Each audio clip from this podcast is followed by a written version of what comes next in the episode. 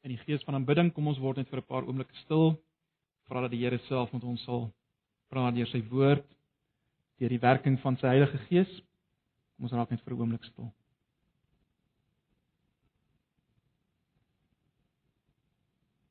Here, hoe wonderlik is dit om U te aanbid, U lof te besing. Ons doen dit in gebrokenheid, U is baie bewus van wie ons is. En as die rede hoekom ons dit kan doen en met vrymoedigheid kan doen is as gevolg van U Here Jesus.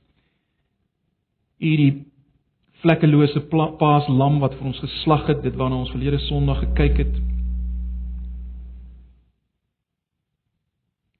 Dit alleen gee vir ons vrymoedigheid. U wat die voorhangsel geskeur het, die allerheiligste geopen het sodat ons nou by die Vader kan wees met vrymoedigheid geklee met u lewe wat God behaag in ons plek. Dankie vir u plaasvervangende dood. Dankie dat u bereid was om die oordeel oor ons sonde op u te neem sodat ons nou 'n lewe van feesviering in u midde kan leef as gemeente. Ons dankie vir hierdie waarhede. Nou Here wil ons vra dat u ook in hierdie oggend met ons sal praat as as u liggaam, as u gemeente. Dat u ons sal versterk en bemoedig deur u woord.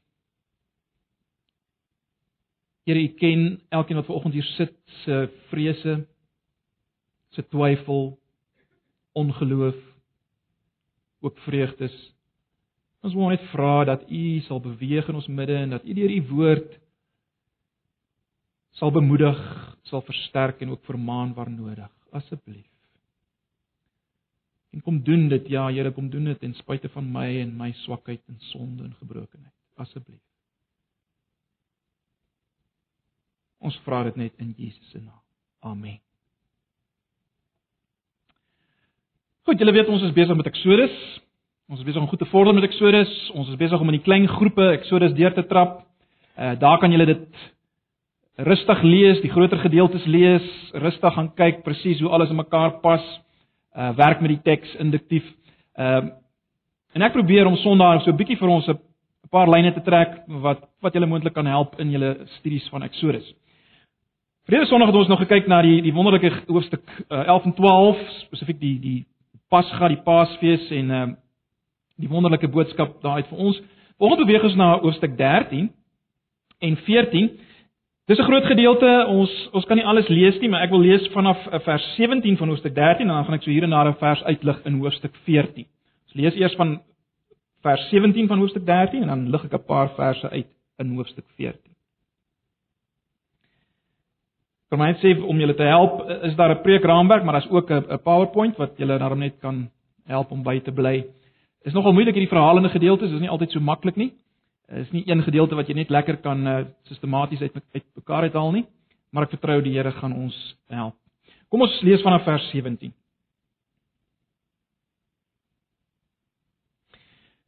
Toe die farao die volk laat trek het, het God hulle nie die pad na die land van die Filistyne toe laat vat nie, hoewel dit die kortste was. Want hy het gesê as die volk in 'n geveg betrokke raak, kan hulle dalk spyt kry en Egipte toe teruggaan. Daarom het God die volk met 'n ompad laat gaan met die woestynpad in die rigting van die Rietsee, Rietsee of Rooi See, Rietsee is maar deel van die Rooi See, né? Die Israeliete het goed georganiseer uit Egipte getrek. Vers 19 Moses het die liggaam van Josef saamgevat. Want Josef het die seuns van Israel dit destyds uitdruklik met 'n eed laat beloof. Hy het gesê God sal beslis later na julle omsien en dan moet julle my liggaam van hier af saamvat.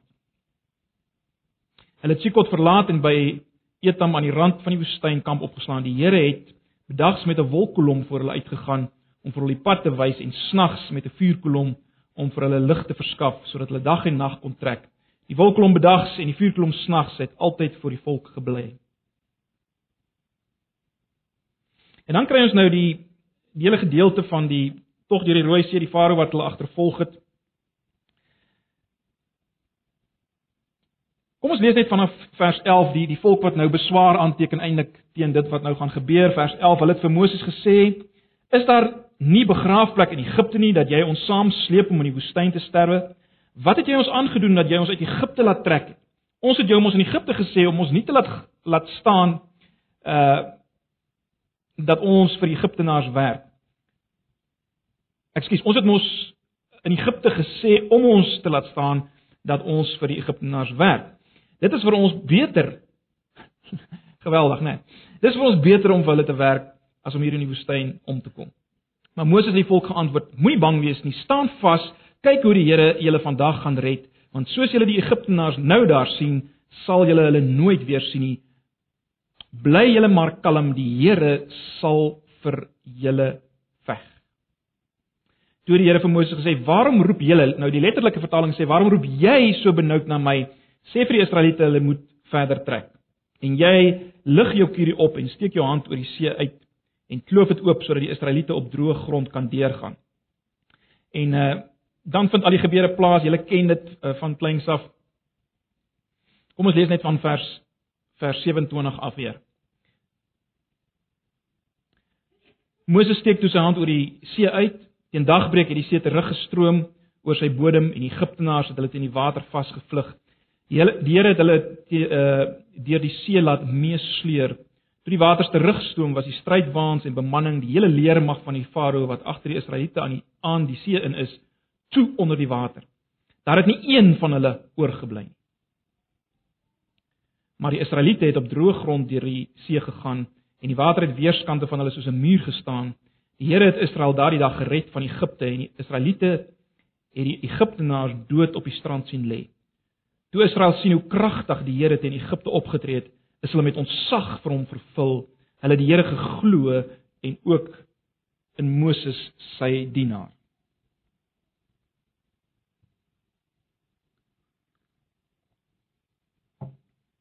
Net tot sover. Nou, broers en susters, ek wil dit waag vanoggend om te sê dat die die begeerte na bevryding, radikale bonatuurlike bevryding vanuit 'n toestand of, of vanaf 'n toestand van slawerny of uit 'n toestand van slawerny is universeel. Hierdie begeerte na bevryding, na bonatuurlike verlossing uit 'n toestand van slawerny kry ons oral. By alle mense op alle plekke op aarde en die slawerny waarvan hulle wil bevry word kan verskillende forme aanneem. Op verskillende plekke kan verskillende forme aanneem. Baie meer persoonlik wees, kan meer uh wees nasionaal, internasionaal, wat die geval mag wees. Maar mense het 'n begeerte na bevryding en bonatuurlike bevryding. Van een of ander toestand waarvan jy nie vry is nie. Dalk sit jy volgens hier met 'n begeerte na bevryding. daarmee saam, saam met hierdie begeerte na bevryding, het ons 'n begeerte na wat ek wil noem Eden, 'n volmaakte toestand, 'n toestand van herstel lewe soos dit was. Ons het ons het daai begeerte in ons. Uh begeerte van om in regte verhoudings te wees soos dit was.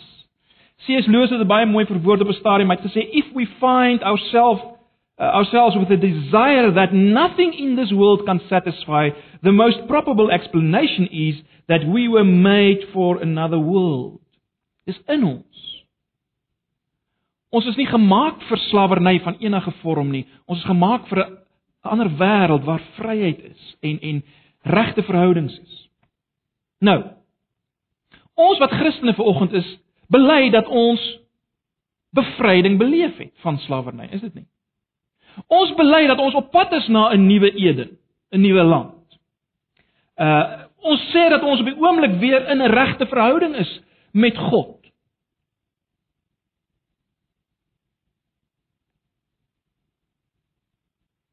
En behoort in 'n regte verhouding te wees met mekaar en en ons omgewing. Dis wat ons bely. Maar broers en susters, ek dink julle sal saamstem, ons sukkel dikwels om die realiteit daarvan te vat, is dit nie? Ons sukkel om die realiteit van ons verlossing te vat. Om werklik te glo dat ons werklik bevry is.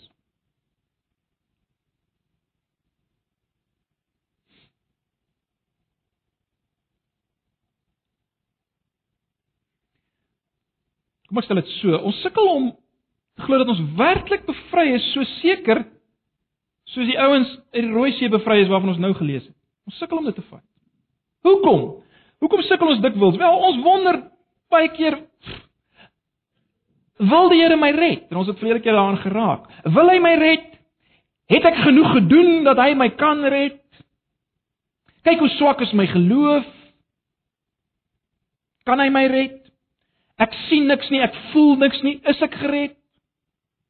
Voel dan niks. Het enigiets verander? En ons wonder of die Here betrokke is by ons nou dat ons gered is. Ons wonder of hy betrokke is by ons.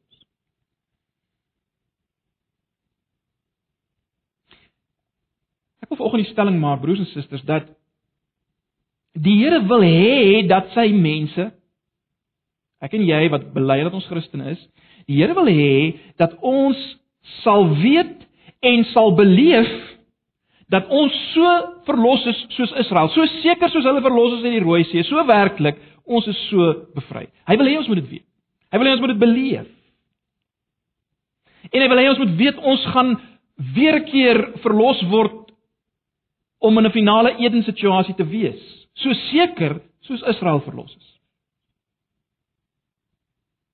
En dis wat hy vanoggend vir ons wil sê en waarvan hy vanoggend ons wil verseker, daar sekere dinge wat hy in sy woord vir ons wys en uitlig, ehm um, en sekere dinge wat hy vir ons gegee het wat ons nou na nou nog gaan na gaan kyk wat ons help om dit te beleef, om dit te vat dat ons verlossing net so werklik, net so histories is soos die bevryding uit die Rooi See. En ek vertrou dat die dat die dat die Here dit vir ons vanoggend sal doen deur die werking van sy Gees. So wat ek vanoggend net vinnig gaan doen is om te kyk eerstens na wat hierdie stories gebeur het.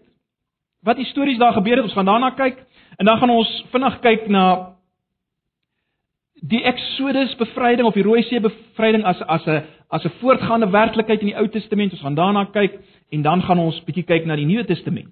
Die Rooi See verlossing in die Nuwe Testament. Wat sien ons daar in die Nuwe Testament rondom die Rooi See verlossing? Wat wat wat vir ons help om sekerheid te kry? So kom ons kyk eers net na die historiese gebeure. Wat het hier gebeur? Ons het min of meer die gedeelte gelees, nie alles gelees nie, maar wat sien ons daar? Kom ons kyk eerstens na die die langer pad wat hulle moes loop. Die langer pad. Julle het dit opgemerk, baie vreemd dan vers 17 en 18. God laat die Israeliete doelbewus op 'n langer pad loop. Hy vat hulle op 'n langer pad. Let wel, 'n pad wat uiteindelik op 'n doodloopstraat uitloop met die see voor hulle en die Filistyne agter hulle. Dis waar hulle uiteindelik beland as hulle hierdie pad vat. Hoekom doen hy dit? Wel, in vers 17 gee die Here alreeds 'n rede. Hy sê wel hierdie ouens kan dalk weer besluit om terug te gaan na Egipte as die gevegte ewig raak. En dan sien ons hoe hulle morren kla. Ons het dit gelees in Hoofstuk 14 vers 11 en 12. Uh hulle morren hulle kla. Hulle sê dit is eintlik beter in Egipte. Kan jy dit glo?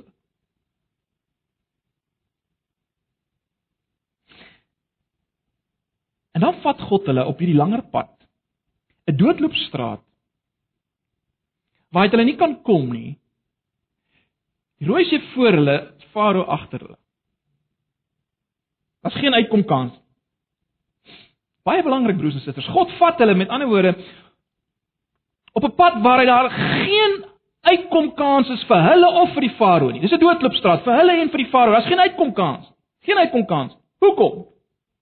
Sodat al die eer aan God kan toekom vir hierdie verlossing. Al die eer. Daar gaan nie 'n smars toekom aan hulle nie. Nie 'n smars. Hulle wil nie eers verlos word. Dis net mooi hoor. Daar sal nie 'n snars eer aan hulle kan toekom vir hierdie verlossing, hierdie bevryding uit die Rooi See nie. Luister 'n bietjie na Eksodus 14 vers 13. Maar Moses het die volk geantwoord: Moenie bang wees nie, staan vas, kyk hoe die Here julle vandag gaan red, want soos julle die Egiptenaars nou daar sien, sal julle hulle nooit weer sien nie. Nou, ek wil net 'n opmerking hier maak. Ons moet dit reg verstaan. Uh ons vertaling het dit baie mooi sag vertaal dis nie regtig 'n geval dat Moses sê ag moenie bekommerd wees nie, die Here sal sorg dat alles goed afloop. Dis nie regtig wat hy sê nie. Eindelik sê hulle dit om dit baie kras te stel. Hy sê vir hulle shut up. Shut up. Hoekom? In die lig van wat hulle nou net in vers 11 en 12 gedoen het. Gemor en gekla en gekerm met 'n ongeloof. Hy sê bly stil. En kyk na wat die Here vir julle gaan doen. Dis wat hy sê. Dis letterlik wat daar wat daar aangaan, hoor. Hulle het geen geloof nie. Maar maar Moses sê ten spyte van wie julle is, ten spyte van julle gaan die Here julle red. Kyk net na vers 17. Ek sal Egiptenaars so koppig maak dat hulle die Israeliete sal agtervolg, so sal ek my mag laat geld teenoor die farao en sy hele leer, strydwaans en bemanning. Vers 18: Wanneer ek my mag laat geld teenoor die farao, sy strydwaans en hulle bemanning, luister mooi, sal Egipte besef dat ek die Here is. Nou ons weet nou wie is Egipte? Dis die teenstanders van God. Ons het 'n uh, paar sonder gelede die lyn deurgetrek van die farao na die die Satan en die teenstand teen God. En God sê ek doen hierdie dinge sodat hulle sal besef dat ek die Here is. Die wêreld sal weet dat ek die Here So wat is my punt wat ek probeer maak, broers en susters? In hierdie historiese bevryding uit die Rooi See is God die alleen sleutelspeler. Wat Farao sy teenstander en sy mense se teenstander in 'n skaakmat posisie sit, vernietig en sy mense volkome verlos Dis wat hier gebeur. Onthou dit, hou dit nie agterkop as ons net nou 'n paar punte van toepassing maak. En let wel, hy doen dit ten spyte van sy volk se se ongeloof.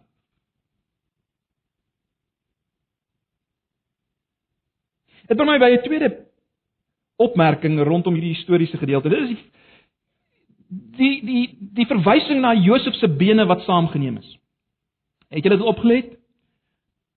Moses moes Josef se bene saamneem. So wat is die, wat is die punt hier?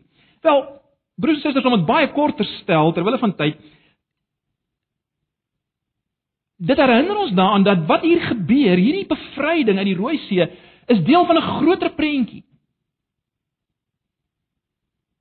Dis deel van die belofte wat God reeds aan Abraham gemaak het van 'n land vir sy nageslag.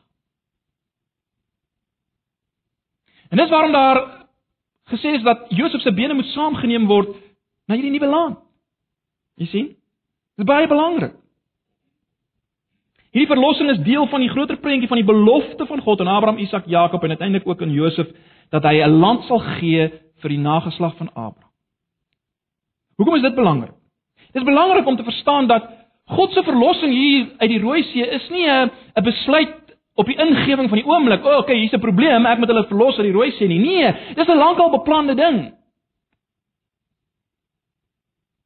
Dis deel van 'n groter plan en die groter waarmaak van God se beloftes.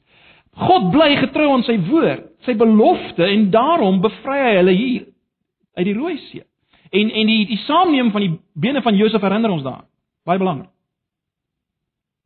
Dan 'n derde ding wat ons moet raak sien is dat God verlos deur Moses die persoon wat een is met die volk en een is met God.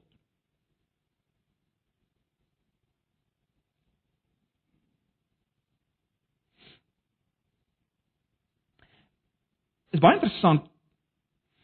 In vers 14 van van hoofstuk 14 maan Moses die volk om rustig en kalm te bly in die lig van hulle uitbarsting. En uh Hulle hulle uitbarsting in vers 11 en 12 wat ons gelees het. Moses sê vir hulle wees rustig. En dan kom God en en die letterlike in vers 15 is dat God Moses vermaan. Uh, letterlik staan daar soos in die 53 vertaling toe vra die Here vir Moses, "Wat roep jy na my?" Dis die letterlike vertaling, hoor, in vers 15. "Wat roep jy na my?" Maar as jy Moses gewees het, is die volk wat gekerm en gekla.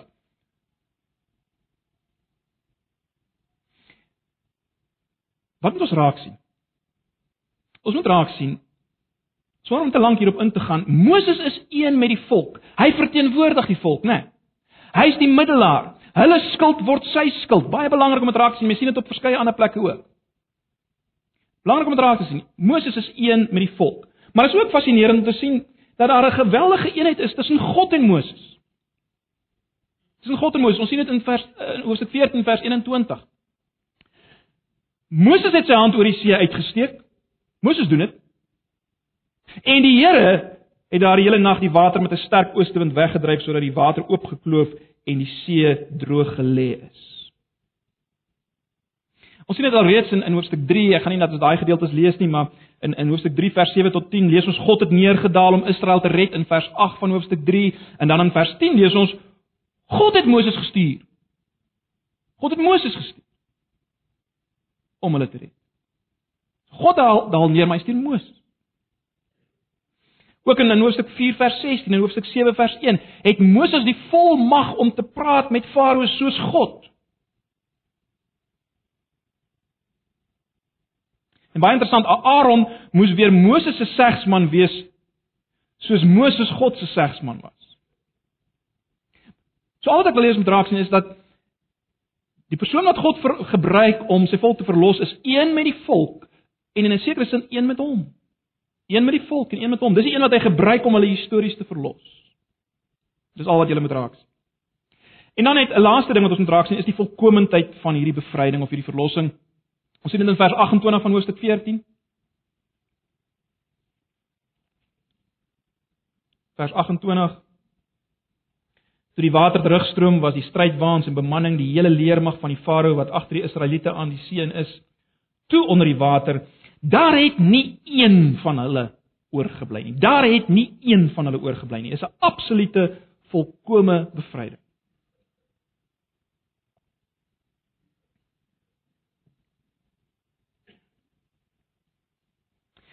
So broers en susters, dis wat histories daar gebeur het. Dis wat histories daar gebeur het. Maar ek het gesê God wil hê sy mense Let wel sy mense in die Ou Testament en in die Nuwe Testament moet in 'n sekere sin weer en weer weet en aan herinner word dat hulle net so seker verlos is en op dieselfde manier verlos is dat dit net so 'n werklikheid is soos dit wat gebeur het by die Rooi See. En dan wil ek hê ons moet 'n bietjie kyk na die Exodus op die Rooi See verlossing as 'n werklikheid in die Ou Testament, as 'n herhalende werklikheid in die Ou Testament. En die eerste ding wat ek net vinnig wil na verwys, ons ons het ongelukkig nie baie tyd hiervoor nie, maar Kom ons kyk net na die Rooi See verlossing en die deurtog deur die Jordaan uiteindelik.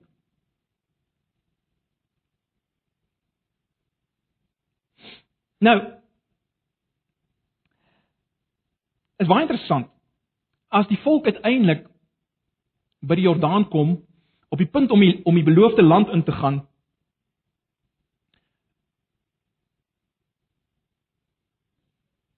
Kom ek stel dit eers so. Ek dink ons moet onsself probeer in in in hulle skoene plaas. Hulle is nou daar op die punt om die land in te gaan, maar maar wie's dit wat nou die land ingaan? Dis al 'n tweede generasie, hoor. Die eerste generasie het heeltemal uitgesterf as gevolg van ongeloof.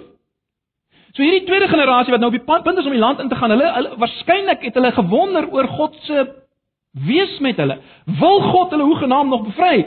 Uh, gaan hulle bevry word? So dis die situasie. Hulle het gewonder of hulle werklik vry is. Waarskynlik. Wie's God en so meer? En dan kom hulle by die Jordaan. Nou ons ons ons het nie tyd om dit alles te lees nie, maar gaan lees maar rustig Joshua 3 en 4 op julle eie weer op 'n stadium en dan sien julle hoe die deurtog deur die Jordaan al die kenmerke het van die verlossing uit die Rooi See. Dieselfde dinge gebeur daar. Water word ook oop oopgeskeur en so meer. En ons lees dan in Joshua 3 vers 7 die die volgende opmerking. Joshua 3 vers 7. Toe sê die Here vir Joshua: Ek begin vandag om vir jou hoë aansien in die oë van die hele Israel te gee, sodat hulle kan weet dat ek by jou is. Baie interessant, soos ek by Moses was. Soos ek by Moses was. En dan ook in Joshua uh 4 vers 13 en 14. Omtrent 40000 gewapende manne het vir die oorlog die rivier deurgegaan voor die ark van die Here uit na die Jerigo vlakte toe. Die Here het daardie nag aan Joshua hoë aansien gegee in die oë van die hele Israel.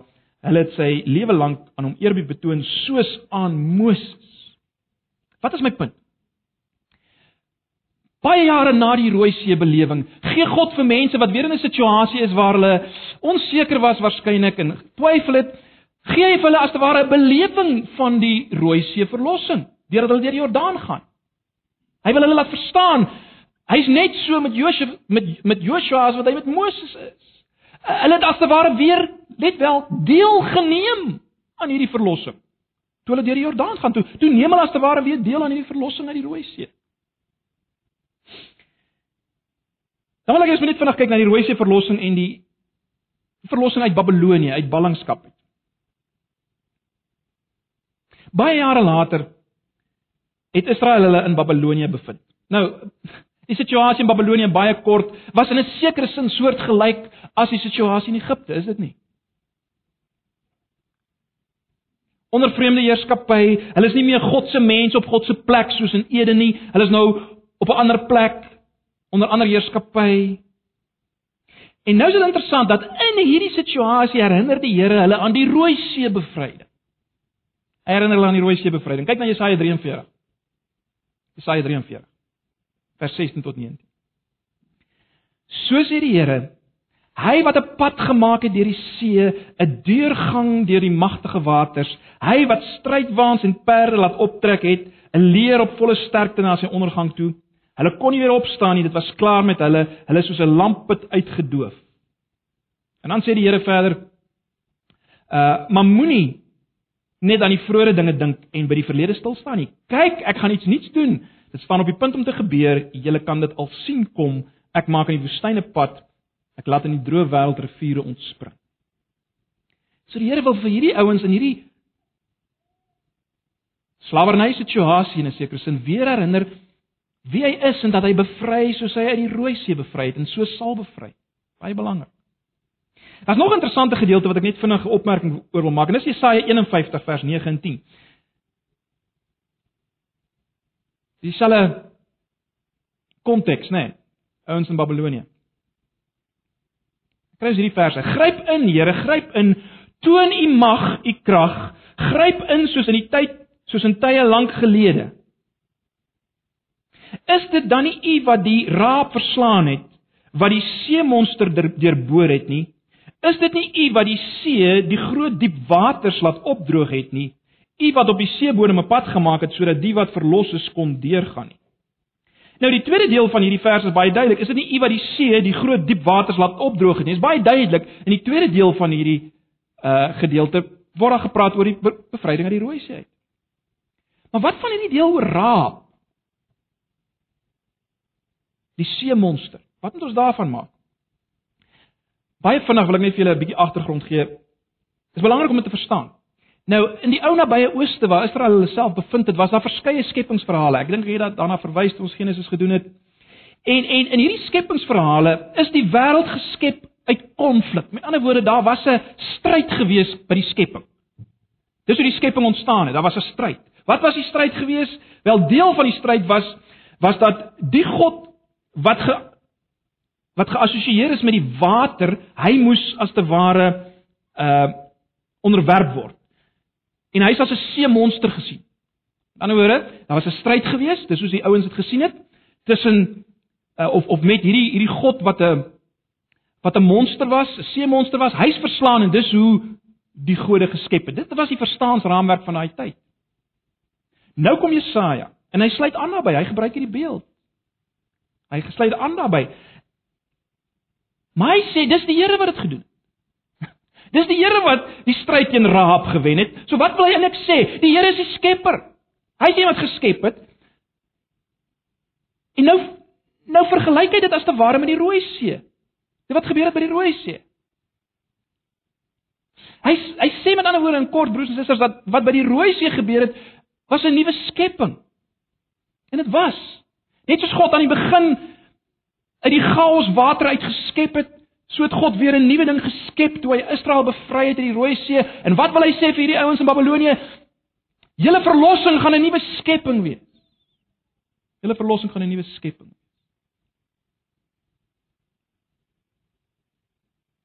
En dit bring ons by die Nuwe Testament. Geloofs dit is die ouens met ander woorde bemoedig en versterk het in hulle situasie in Babelonie. Kom ons kom kyk vinnig na die Nuwe Testament. Kom ons dink dit vir 'n oomblik aan Jesus se persoon en Jesus se werk. Ehm uh, is baie interessant. Ek dink as min twyfel en ons het al daarna verwys dat dat Jesus in die Nuwe Testament die rol oorgeneem het van Moses. Ons het nou verwys na die feit dat ons in daai bevryding by die Rooi See sien dat Moses een was met die volk aan die een kant, maar Moses was ook een met God. En dis presies wie Jesus is. Hy's absoluut een met God. In so 'n mate dat hy God self is. Ons het al baie daaroor gepraat, maar hy's ook absoluut mens. En dit is baie interessant hoe die Nuwe Testament nou wys dat dat Jesus een is met die mens, met met Israel, met die volk. Kyk net weer vinnig na Matteus 2 vers 14 en 15. Matteus veral wys baie duidelik hoe Jesus die rol van Israel en van Moses oorgeneem het. Matteus 2 vers 14 en 15. Josef het toe opgestaan en in die nag die kindjie en sy moeder geneem en na Egipte toe vertrek. Het jy al ooit gewonder daaroor? Hoekom wou aarde hulle na Egipte toe trek? Wel, die volgende vers 15 gee die rede. En daar gebly tot die dood van Herodes, soos vervul wat deur die Here die eh, wat die Here deur die profeet gesê het, uit Egipte het ek my seun geroep. Wat is die punt? Jesus neem as te ware die rol oor van Israel. Hy word ook uit Egipte geroep soos Israel, God se seun. Uh, in Hosea 11 word Egipte uh, word Israel so genoem, God se seun. En Jesus neem daai rol oor. Dit is baie interessant, net baie kortliks as mense as mens kyk bietjie na 'n vergelyking tussen die die pad wat die volk gestap het en Jesus. Ehm uh, die volk gaan deur die Rooi See en dan kom hulle by die woestyn En dan uiteindelik by die berg by Sinaï. Ehm um, Jesus het 'n waterbelewing by sy doop in die rivier. Dan word hy in die woestyn versoek deur Satan en uiteindelik kom hy op die berg en dis daar van die berg af waar hy die saligsprekinge gee. Net soos Moses die die ou verbond afgekondig het van die berg kom Jesus en hy gee riglyne vir die nuwe verbondsvolk van God wat bietjie anderste is en meer is en meer omvattend is en hy doen dit op die op die berg. Gaan nie te lank daarop ingaan nie, maar dit is interessant. Matteus onder leiding van die Gees wil wys Jesus neem hierdie rol oor van die volk en in 'n sekere sin van Moses ook.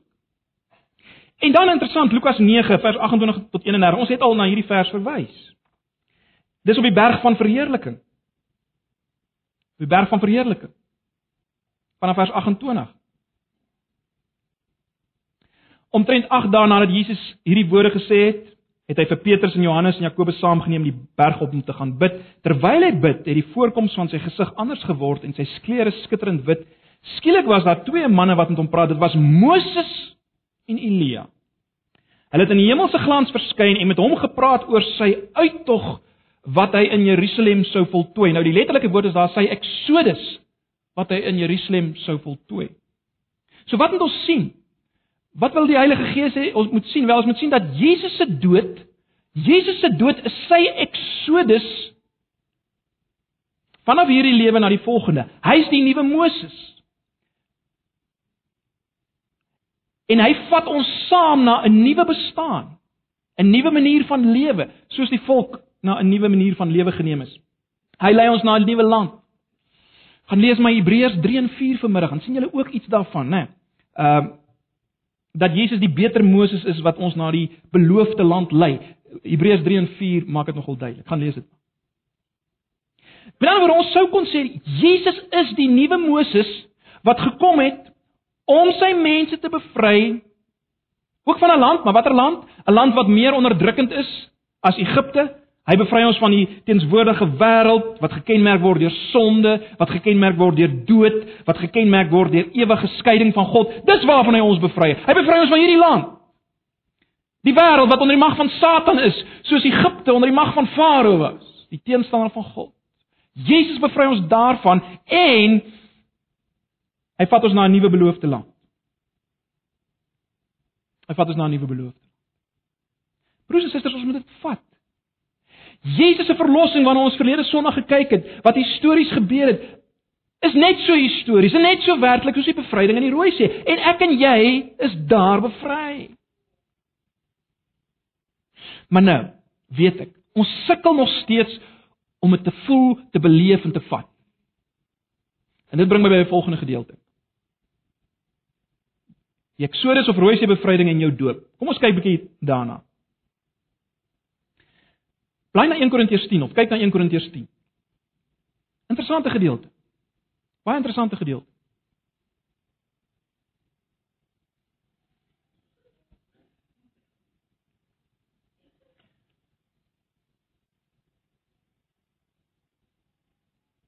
Paulus skryf hierdie ouens in Korinte.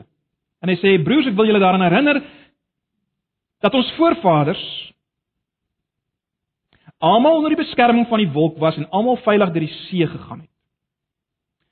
Omdat hulle almal vir Moses gevolg het, is hulle almal in die wolk en in die see gedoop. En dan in vers 11, jy kan net so 'n bietjie skiep, sê hy hierdie dinge, alles wat hy daar skryf oor die volk en hulle belewing. Hierdie dinge het oor hulle gekom as 'n voorbeeld vir ons en is opgeskryf as waarskuwing vir ons wat die einde van die tye beleef. Hoekom ek maar net aan daai vers wys is om net te wys dat Paulus wil hê ons moet leer en iets sien by wat gebeur het. Nou, wat probeer Paulus sê as hy verwys na die volk uh wat almal in die wolk en die see gedoop is? Baie duidelik is ten minste dit. Ten minste kan ons sê wel Paulus wil 'n analogie teken tussen wat gebeur het met Israel by die see en wat gebeur het met hierdie Christene toe hulle gedoop is. Hy dis ten minste duidelik, né? Nee, hy wil 'n hy wil 'n vergelyking of 'n analogie teken gelyking maak of analogie teken tussen hierdie twee. Wat gebeur by jou doop? Wat sê ek as ek gedoop word? Ag, ons het al so baie daaroor gepraat. Ek sê daarmee ek het ek het die ou manier van lewe agtergelaat. So seker soos ek daar onder die water gaan en opstaan, so seker is my ou lewe agtergelaat. Ek staan op in 'n nuwe belewing, in 'n nuwe lewe. Dis dis wat die doop sê.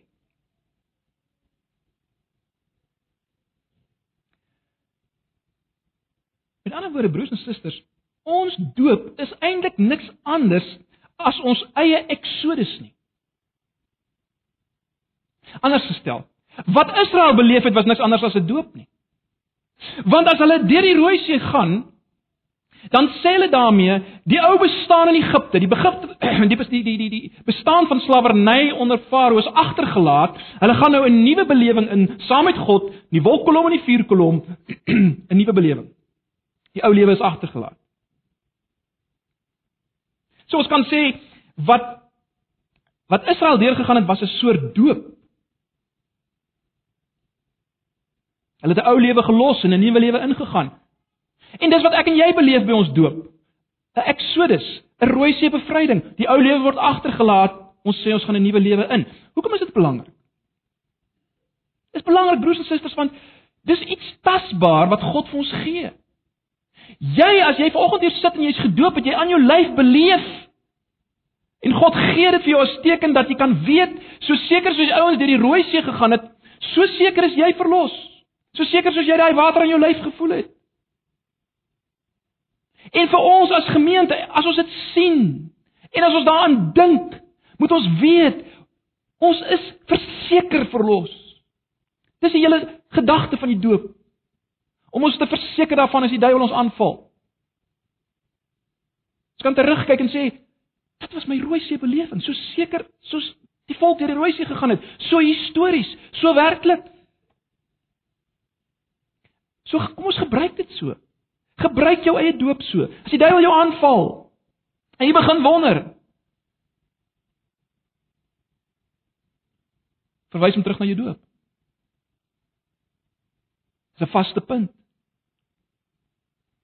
En die Here wil hê ons moet dit gebruik om te besef ons is verlos net soos die volk in die Rooi See verlos is. Dis 'n vaste punt. En ons is op pad na 'n nuwe beloofde land. En dit bring my by my laaste punt. Die Rooi See bevryding in Babylon. As mens gaan na Openbaring in baie baie in in kort. As ons gaan na Openbaring dan dan is dit baie interessant daar in Openbaring 18 kry ons weer 'n teenstander van God en sy mense. En dit is hierdie stad Babylon wat ook soos 'n vrou uitgebeeld word. Aangrypende gedeelte. Hoor, gaan lees dit geslaag. Geweldig. God se teenstander en sy mense se teenstander word uitgebeeld as hierdie stad Babylon wat eintlik niks anders is as 'n as 'n afbeelding van die wêreld nie. Die wêreld waarvan 1 Johannes 2 vers 15 tot 17 weer praat, die die alles wat die oog begeer, uh al die gesteldheid op besit. Ek wil hê en ek het daai gees, die wêreld waaruit God uitgeskakel is. Babylon staan in 'n sekere sin vir die wêreld. Wat 'n vyandskap is teen my en jou en teen God self. Dis wat ons kry in Openbaring 18 en dan dan fascinerend. Kyk na Openbaring 18 vers 20 tot 22. Dis daar op die bord ook. Verheug jou daaroor, hemel en julle gelowiges, apostels en profete. God het die oordeel waarmee sy julle getref het oor haar voltrek. Baie interessant.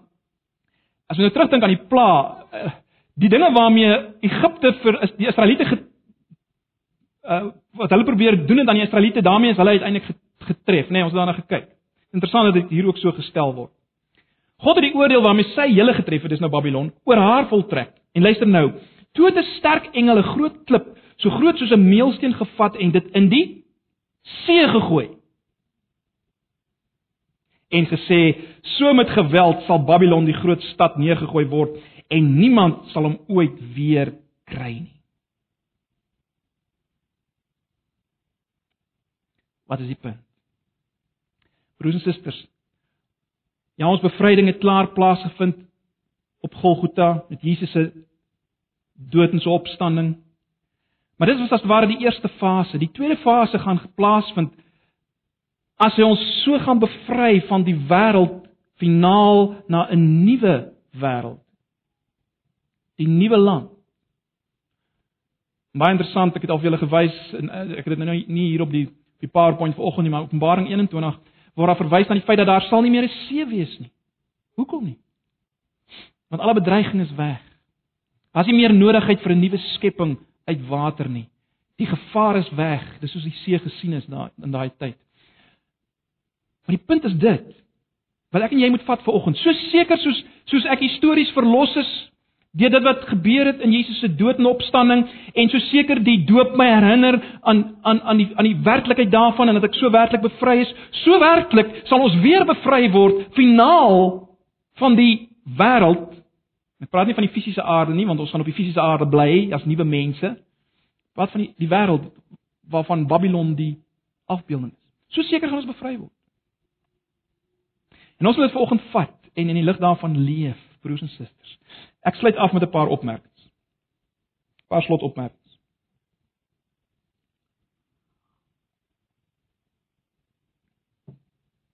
Ons het nou klaar mekaar gesê en ek sê dit weer. Ons verlossing, my verlossing, jou verlossing is so histories werklik soos die bevryding uit die Rooi. En ons sal weer so bevry word. So werklik soos jy hier op jou stoel sit, sal 'n dag kom wat ons na 'n nuwe wêreld toe oorgaan.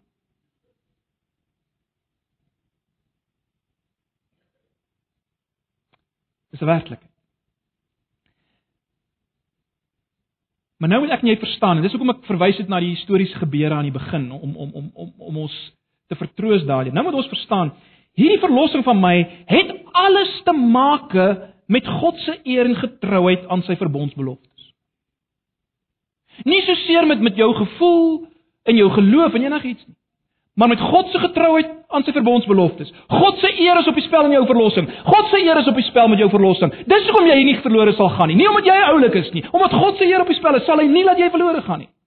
Sy eer is op die spel. As hy eenmal ingegryp het in jou lewe, sal hy dit volbring want sy naam is op die spel. Sy verbondsbeloftes is op die spel. Ons moet dit verstaan. Net soos die verlossing uit die Rooi See. Net soos die verlossing uit die Rooi See. Hy sal ons die hele pad vat na 'n nuwe skepping. Dis hoekom ek so klem gelê op die nuwe skepping. Broers en susters, God se verlossing is nie luister mooi. God se verlossing is nie klaar voordat daar 'n nuwe skepping gaan wees in alle volkomendheid en ek en jy gaan leef op daai nuwe skepping nie. Ons is nie gered vir die hemel nie. Ons is gered vir 'n nuwe skepping. Want eers as die skepping totaal nuut is, dit waarna waarna die skepping uitsien in Romeine 8. Eers as dit gebeur, is God se werk klaar en sal hy al die eer kry. Nie voor dit nie. So ons kan weet, ons is op pad na 'n nuwe skepping. Sal jy net rond sweef nie? So jou verlossing het te maak met God se getrouheid. Hy gaan dit klaarmaak. Volgende punt, jou verlossing is volkome. Net so volkome soos die verlossing uit die rooi see was. Ons het, ons het klem gelê op die feit dat niemand oorgebly het. Broers en susters, ons verlossing is volkome. My en jou verlossing is volkome. Alle sonde, hede, verlede en toekoms is vergewe. Dis nie om die beeld te gebruik, die dieptes van die see gegooi. Moenie weer daar gaan visvang nie. Ons is mos lief om weer te gaan visvang daar. Wie die ou sonde uit te trek. Dit is dit is weg, dit is vergewe. Dit is in die dieptes van die see gegooi. Dis 'n volkomme verlossing wat hy bewerk. En dan wil ek julle weer herinner ons het nou daaroor gepraat. God gee in genade vir ons die teken van die doop, net soos hy die teken van die nagmaal gee om ons te herinner aan die laaste Sondag die die Pasga. Net so wil hy ons herinner aan die bevryding uit die Rooi See uit, die doop. Ons is deel van hierdie groter prentjie. Ons is deel van die groter prentjie wat begin het by die Rooi See. Dis nie iets daar ver in die verlede nie. Ons is deel van hierdie prentjie. En laat toe dat die doop daai effek het in jou lewe. En laastens dan net ek het nie aan die begin verwys na die wolkkolom en die vuurkolom waaronder die volk getrek het nie, maar broers en susters, as ek so bevry is, as my bevryding so werklik is soos die bevryding uit die rooi see, kan ek ook staat maak en weet God is by my. God is by my. Soos hy by die volk was deur die wolkkolom en die vuurkolom. Ja, by tye voel jy dalk niks. By tye beleef jy dalk niks, maar weet dit. Vat dit. Glo dit. En God sal ook vir jou gevoel gee soos hy wil. Maar gebruik hierdie woord waarmee hy ons vanoggend wil versterk en bemoedig. In jou stryd teen twyfel en ongeloof en die duiwel.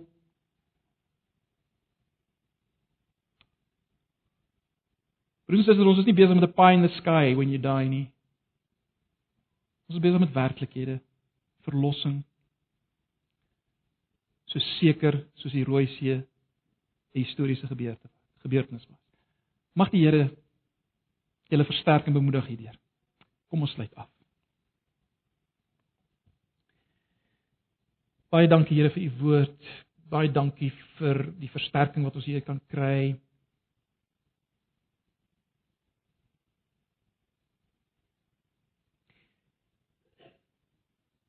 wil bid dat U die woord sal gebruik deur die werking van die Gees om ons nou in die week wat voorlê deur te dra as tye van twyfel kom, ongeloof, geen gevoel. Asseblief Here, help ons. Dankie dat U vir ons die woord gegee het. En dankie ook vanoggend vir vir iets soos die doop wat nog bykom by die woord om dit te bevestig. Ons eer U daarvoor. Dankie daarvoor.